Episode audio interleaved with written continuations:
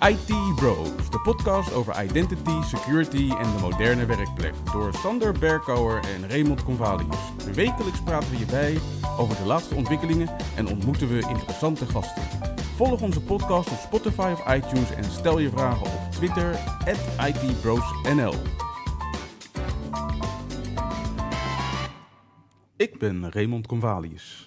En mijn naam is Sander Berkouwer. Welkom bij aflevering 41 van seizoen 3 van de IT Bros podcast.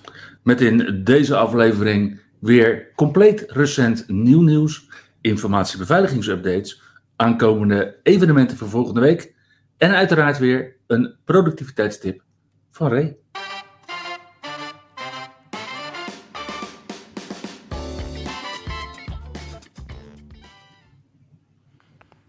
Sander, het is weer uh, tijd voor een hoop evenementen deze weken.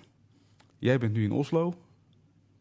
Ja, dat, uh, dat komt ervan als je presentaties inschiet bij uh, mensen die geïnteresseerd zijn in allerlei identity recommended practices. Dan word je daar nog wel eens voor uitgenodigd. Maar jouw week was ook niet uneventvol. niet echt, nee. Ik was, gisteren was ik in Leiden. En dat was ook uh, bijzonder. Daar was uh, de Experts Live Speaker Bootcamp. En daar mm -hmm. hebben we, ja, eigenlijk zeg maar, mensen met aspiraties om ook te gaan spreken op conferenties geprobeerd bij te spijkeren en te motiveren om vooral aan de slag te gaan. En zich voor te bereiden op een carrière als spreker op conferenties. En het was heel erg leuk. Ik mocht daar uh, de opening, keynote verzorgen en de closing note.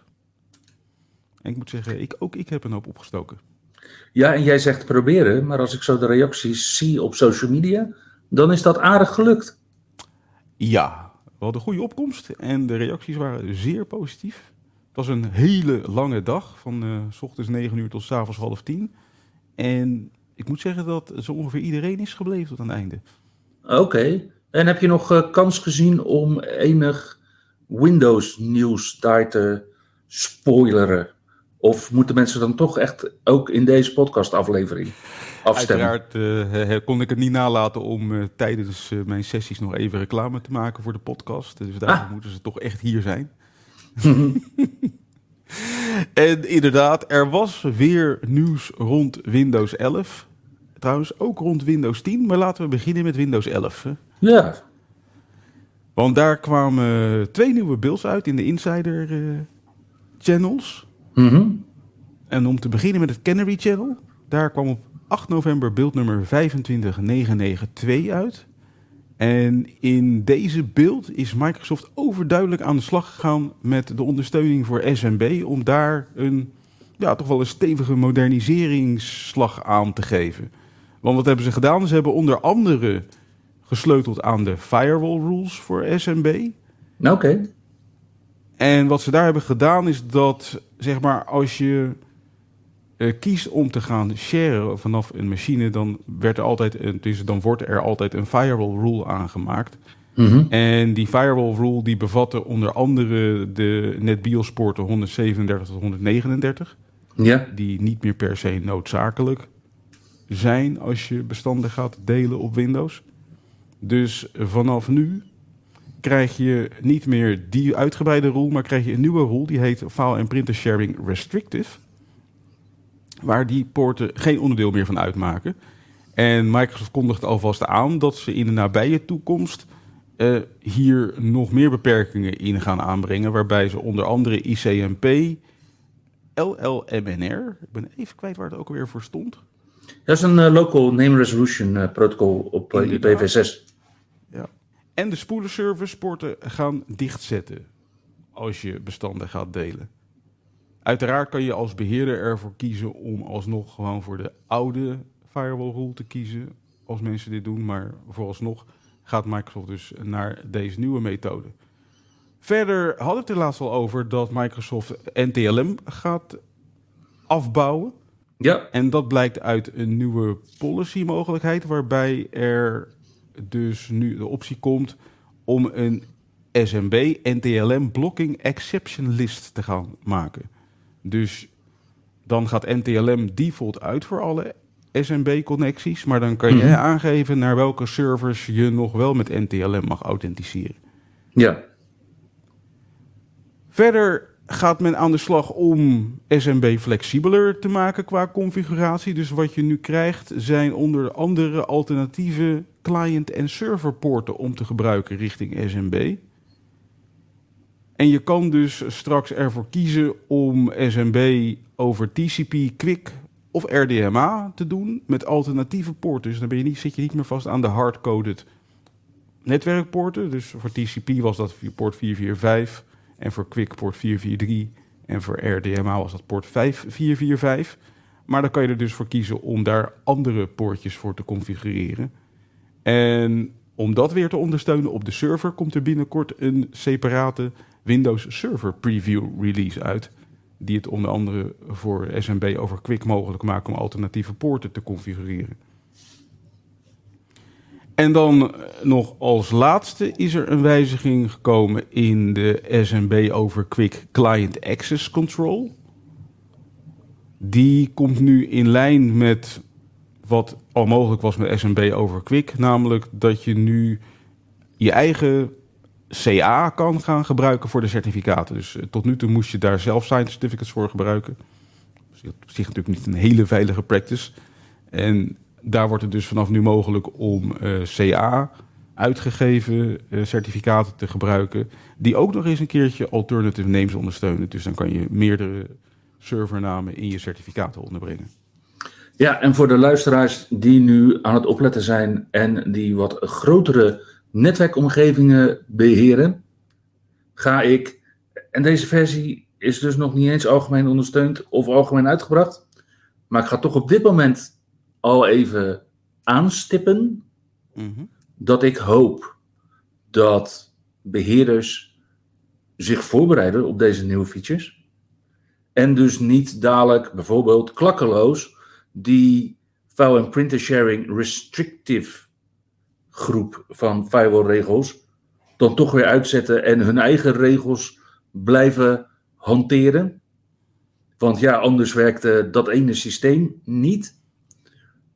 Omdat mijn ervaring is, en ik denk dat jij dat wel kan staven, Ray, dat dat soort pleisters voor één of maar een handjevol systemen voor een relatief korte tijd zich blijvend manifesteren in je omgeving, omdat je er, als je er nu niet naar kijkt, waarschijnlijk nooit meer naar kijkt. Mm, Dat kan ik helemaal beamen, ja. Dus laten wij als echte IT-pro's daar overheen zetten. En laten we dan inderdaad. En ik denk dat we daar best wel in onze podcast ook eh, aardig mee bezig zijn, eh Ray. Inderdaad, zo vroeg mogelijk aanstippen wat er komt, wat er is. Zodat je als beheerder, ja, eigenlijk misschien alleen maar op vrijdagmiddag eventjes eh, op je route terug naar huis, dat half uurtje in de auto of op de fiets, gewoon in de podcast alvast datgene meekrijgt. Wat je dadelijk kunt hanteren als je je nieuwe Windows uitrolt. Ja. Of die nieuwe VDI-omgeving implementeert. Ja, maar het is dus, eh, ja, Microsoft is duidelijk bezig met SMB en, en het afbouwen van NTLM. En begin je dus daarop voor te bereiden. En dat waren nog niet eens alle nieuwe features uit deze Canary Build 25992. Want ja, het was eerder al bekend dat Microsoft dus eh, behalve zip nu ook 7-zip en tar bestanden ondersteunt. En vanaf nu kan je die ook aanmaken vanuit Windows 11. En verder hebben ze de snap-functie onder handen genomen. Dat is die handige functie waarmee je zeg maar, je Windows kan eh, organiseren op grotere schermen met name. Ja. En daarbij wordt het nu mogelijk om meerdere apps in één keer op een plekje neer te zetten. Daar hebben ze een nieuw blokje voor toegevoegd aan de flyout. Dus nieuwe Windows features in de Windows Insider builds voor Windows 11. Ja. Oké, Windows op Windows op Windows. Features. Hey, je zei er waren twee beelds. We hebben nu de Canary beeld besproken. Welke is er nog meer? Nou ja, de- in de wa- waren er dus echt heel veel updates. In de dev build viel het wel mee met de updates. Want daar hebben ze build nummer 23585 uitgebracht. Ook op 8 november.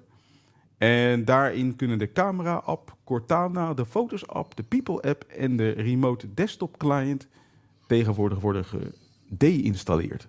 Hmm. Verder wordt er op dit moment een update van de snipping tool uitgerold. Dat is versie 11.23.10.49.0 of hoger. En daar zit verbeterde HDR-ondersteuning in.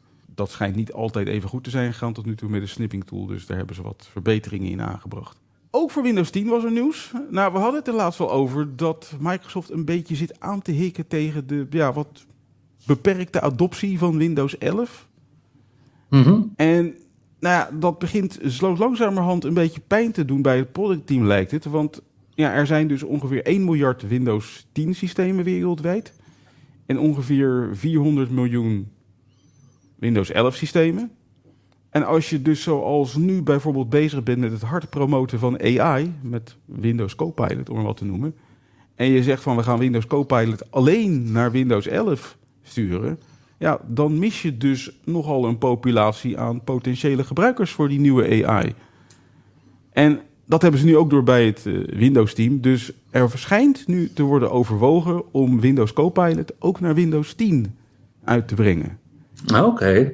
En wat ook het geval schijnt, en daar had het laatst al over, is dat, ja, kijk, de support voor Windows 10 zal, zoals het er nu naar uitziet, gaan aflopen in oktober 2025. Ja, nog ongeveer twee jaar. Maar met de huidige adoptierates kan dat nog wel eens een pijnlijke exercitie gaan worden.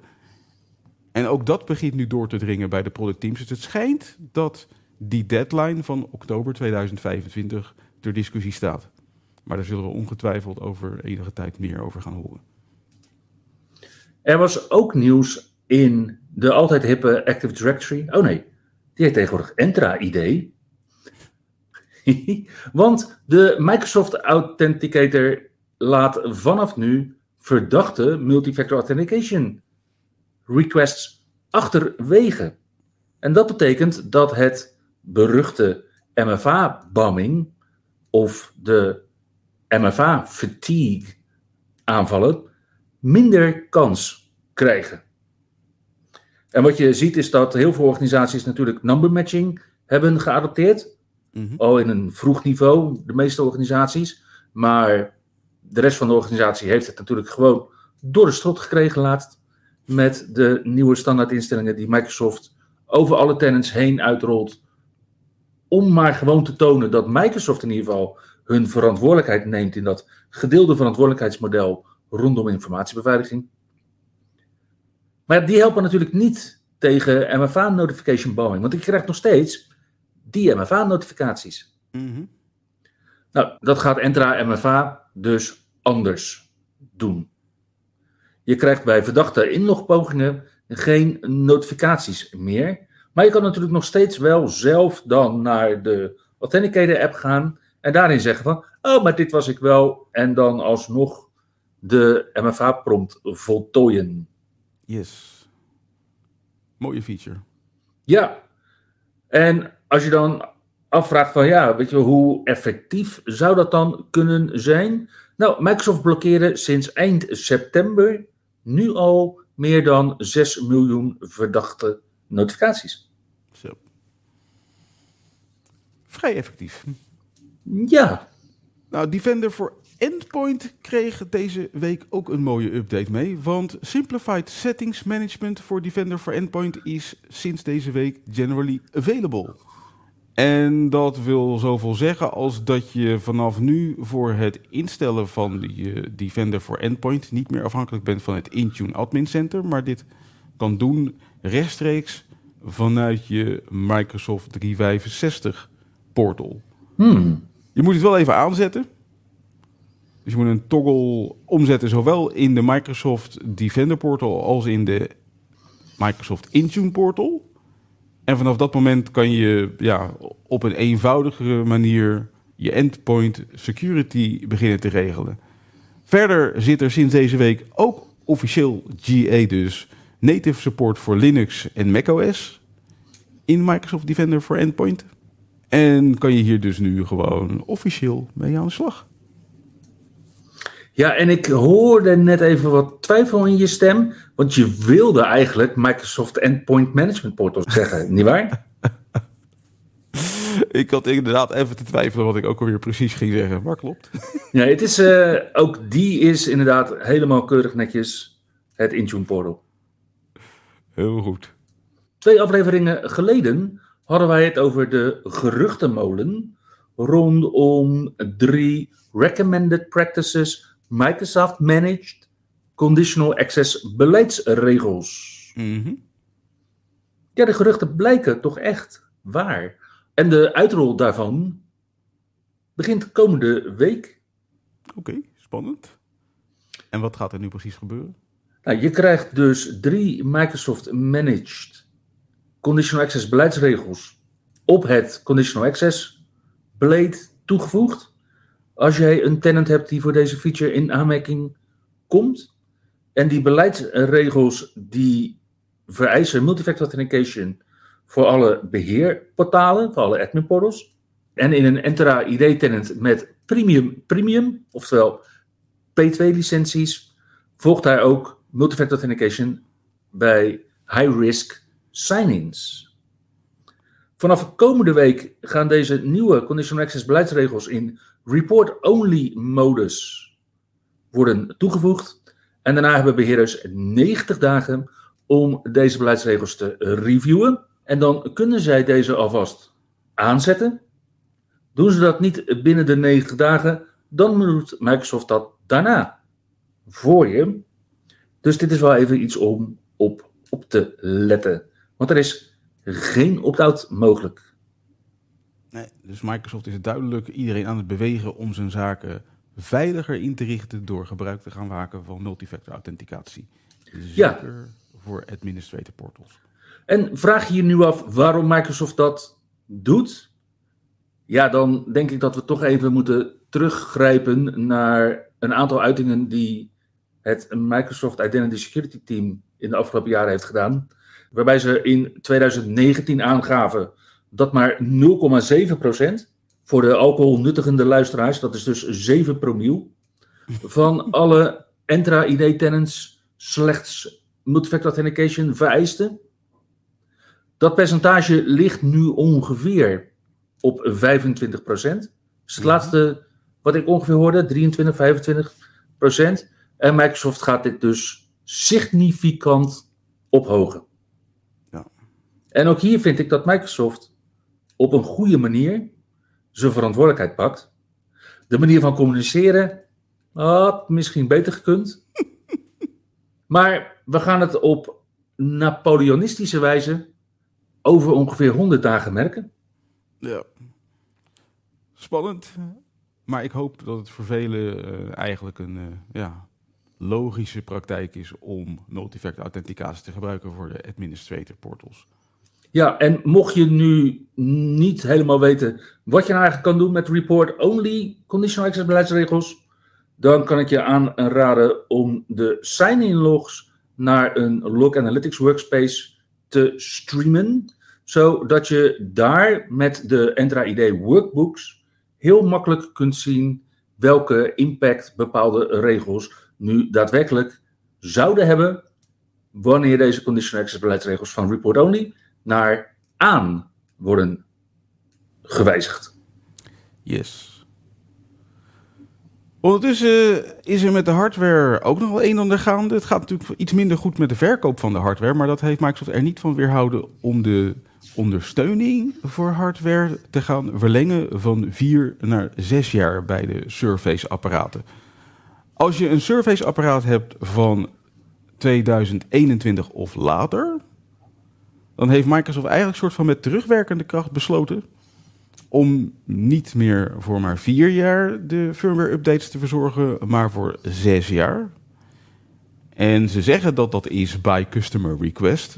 Maar het lijkt ook wel een beetje op dat men goed heeft gekeken naar Google, waar men onlangs heeft besloten om voor Chromebooks voortaan 10 jaar updates mee te geven. En ik denk ook dat dit helpt, want bijvoorbeeld een Hewlett Packard doet dit maar voor drie jaar. Of zo. Trouwens, daar verspreek ik me even. Zei ik Hewlett Packard? Dat mag we helemaal niet meer zeggen. Ik bedoel natuurlijk HP. Mhm.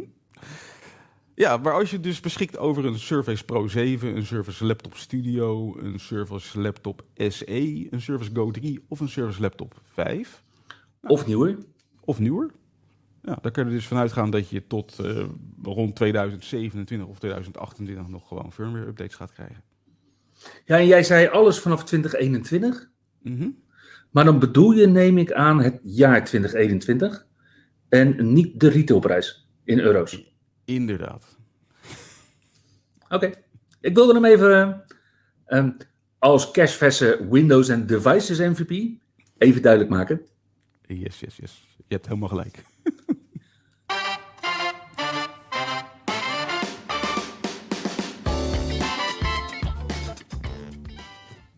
Kijken we in het kader van informatiebeveiliging naar het nieuws van afgelopen week, dan vallen ons weer een aantal dingen op. Onder andere de update voor de manier waarop kwetsbaarheden worden geclassificeerd. Sinds juni 2019 gebruiken we CVSS versie 3.1 om kwetsbaarheden op een schaal van 1 tot 10 in te delen. En die klassificaties krijg je ook geregeld terug tijdens deze podcast. Maar FIRST, en dat is de Forum of Incident Response and Security Teams, heeft nu versie 4.0 van CVSS geïntroduceerd. En daarin zien we een fijnmaziger model om de basisscore te definiëren. Dus dat gaat bijvoorbeeld over de aanvalsvector, hoe lastig het is om misbruik van de kwetsbaarheid te maken, of interactie van een persoon vereist is, of de aanvaller bepaalde permissies of authenticatieniveaus moet hebben om de aanval uit te voeren. En uiteraard wat de gevolgen zijn voor de beschikbaarheid, vertrouwelijkheid en integriteit. En al in versie 3.1 kon dat worden uitgebreid met een tijdelijke score. Bijvoorbeeld de beschikbaarheid van exploitcode. Maar ook een omgevingsscore, dus specifiek voor de organisatie. En in versie 4 zie je dat die basisscore nu meer fijnmazig tot stand kan komen. En dat er meer rekening wordt gehouden met threat intelligence en omgevingsvariabelen. Betekent dat dan dat we in CVSS versie 4.0 nu kwetsbaarheid kunnen krijgen met standje Spinal Tap 11? Nee, dat niet. Het blijft nog steeds op een schaal van 1 tot 10. Oké. Enig idee wanneer we dit terug gaan zien in de CVSS-scores van kwetsbaarheden binnenkort? Ja, ik denk dat het ervan afhangt in welke mate en op welke snelheid de teams die zich bezighouden met klassificatie bij de verschillende leveranciers dit adopteren. Ja. Kijk ik naar de kwetsbaarheden die we deze week behandelen, dan zie ik daar nog steeds versie 3.1 worden gebruikt. Mm En daarmee kunnen we concluderen dat Trend Micro en Veeam inderdaad nog versie 3.1 hanteren, maar mogelijk binnenkort overstappen. Oké. Ja, en laat ik dan gelijk beginnen hè, met die Exchange Server kwetsbaarheden. Want als we kijken naar hoe Microsoft dat normaal klassificeert, dan zien we dat we CVE min 2023 min en dan zit Microsoft in de range vanaf ongeveer 30.000 uit mijn hoofd. Ja.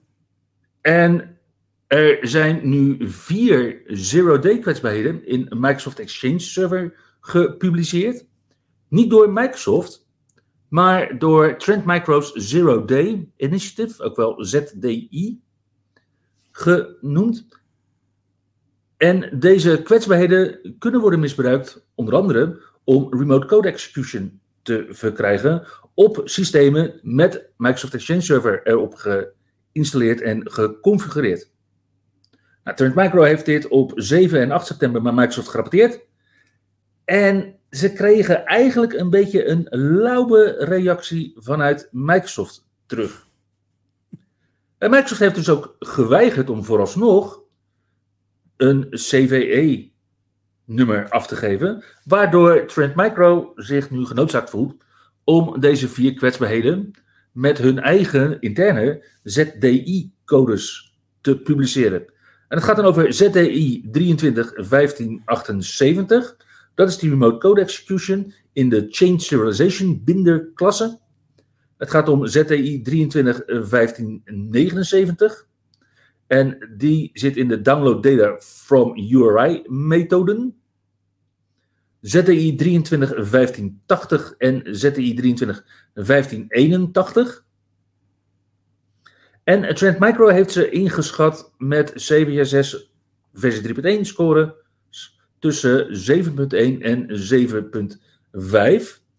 Want om misbruik te kunnen maken van deze kwetsbaarheden, moet je daadwerkelijk eerst geauthenticeerd zijn. Daarbij geeft Microsoft ook aan dat als je de Exchange Server updates van augustus hebt uitgevoerd, dat je in ieder geval voor het meest zware beveiligingslek niet meer kwetsbaar bent. Oké, maar het is wel boeiend hoe deze twee partijen dus ja, met elkaar steggelen over of dit nu wel of niet kwetsbaarheden zijn waar iets mee moet worden gedaan. Nou, nee, niet echt. Want Microsoft geeft wel aan van ja, we moeten hier inderdaad iets mee. Maar Microsoft voelt dus niet de noodzaak om hier een out-of-band update voor uit te brengen. Oh, oké, op die manier. Ja. Wel, ja, dus in de volgende cumulative updates van Exchange Server worden deze lekker waarschijnlijk netjes gedicht. Want ja, de mitigerende maatregel dat een aanvaller geauthenticeerd moet zijn, zorgt er natuurlijk wel voor dat een aanvaller wat meer moet doen. Maar is natuurlijk niet helemaal waterdicht. Want ja, een aanvaller kan natuurlijk ook wachtwoorden broedforcen of aanmeldgegevens fischen of misschien zelfs kopen op het dark web. Mhm.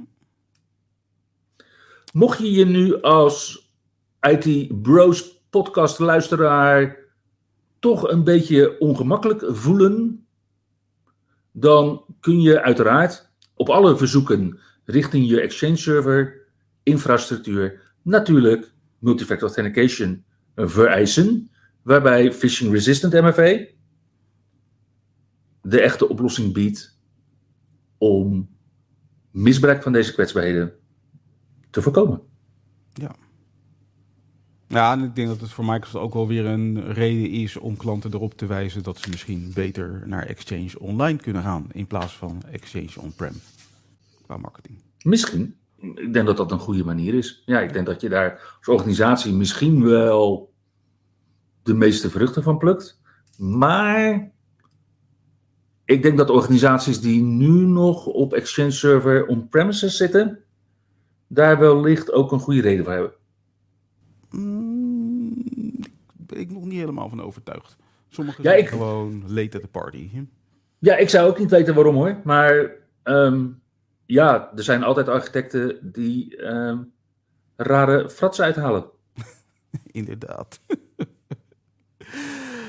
Ja, bij Veeam zijn ze inmiddels ook ah, van hun stoel gekomen om wat zaken te gaan fixen. Want er zijn vier kwetsbaarheden ontdekt in Veeam One IT Infrastructure Monitoring en Analytics Platform. Waarvan er twee kritisch zijn bevonden met een CVSS versie 3 score van 9.8. En daarbij gaat het onder andere over E CVE 2023-38547. En dat betreft een remote code execution kwetsbaarheid die mogelijk is omdat de SQL Server connectie details voor onbevoegden beschikbaar komen. Hmm. De andere kwetsbaarheid betreft CVE 2023-38548. En dat gaat erover dat een niet geprivilegeerde gebruiker die gebruik maakt van de webclient de NTLM-hash kan stelen van de reporting service. En daarmee vervolgens ook interessante mogelijkheden krijgt richting het platform. Twee andere kwetsbaarheden waren dan weliswaar niet kritisch. Dat ging om een power user die de admin access token kan stelen via cross-site scripting. En dan heb ik het over CVE 2023-38549. Of een read-only user die toegang kan krijgen tot het dashboard schedule. En dat gaat over CVE 2023-41723. En al deze kwetsbaarheden zijn inmiddels te patchen.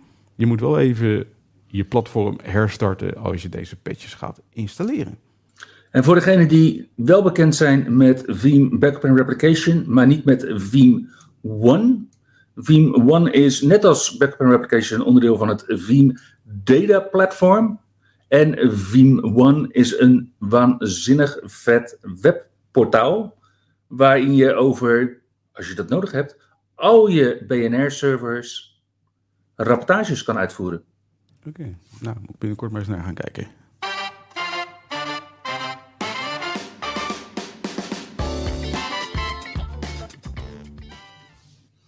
Kijken we naar de evenementen komende week, dan zien we dat het in Nederland vrij rustig blijft. Want alleen de Azure Platform Engineering groep organiseert een evenement.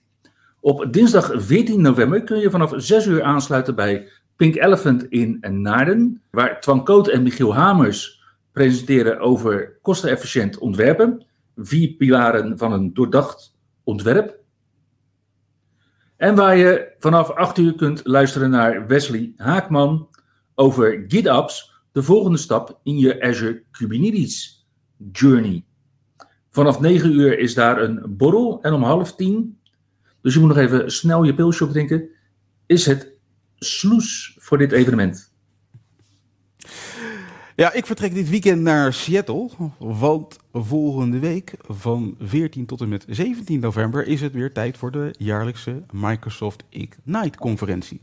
En daarvoor gaat Microsoft dit jaar naar het nieuwe conferentiecenter The Summit in downtown Seattle. En ik ben daar dus bij. Daar ga je ongetwijfeld heel veel nieuws horen over ja, wat er gaat gebeuren ten aanzien van allerlei eh, ja, nieuwe ontwikkelingen vanuit Microsoft. Ik denk heel veel AI. En een deel van de sessies wordt ook online beschikbaar gesteld. Dus als je niet naar Seattle gaat, kan je op afstand meegenieten van de content. Oh, gelukkig. Voor het geval je wil weten wat er zo al besproken wordt, diverse product managers hebben hun content gepost in blogposts. Onder andere heeft uh, Hajit, onze vriend van de show, een uitgebreide post geplaatst over wat er aan Windows content gaat komen Mhm. op Ignite. En ja, ik ben daar dus zelf aanwezig. Ik heb eh, boot duty op woensdagmiddag en donderdagmiddag.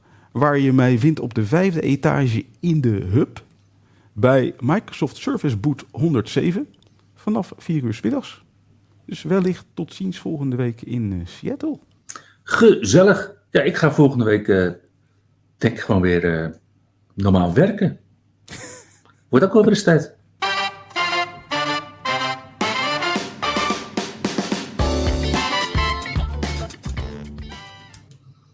Hey, en Ray, voor volgende week, hè, als ik dan weer hard aan het werk ga, heb je dan een productiviteitstip voor mij?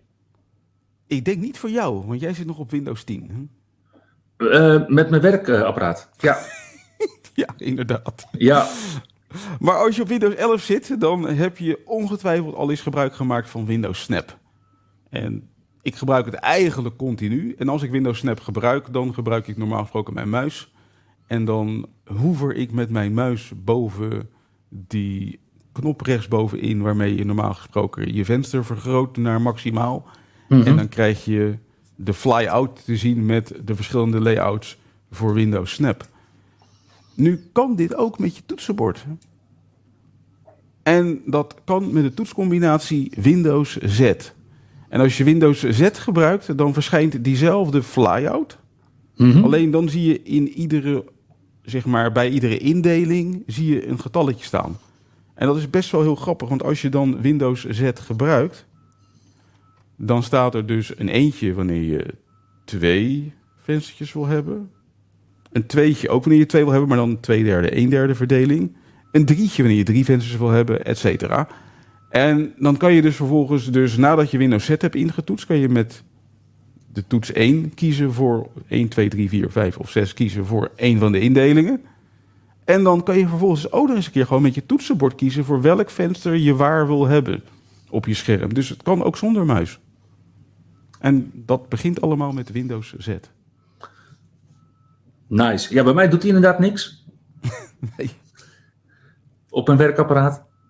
Maar ik vind dit weer een pracht van een productiviteitstip.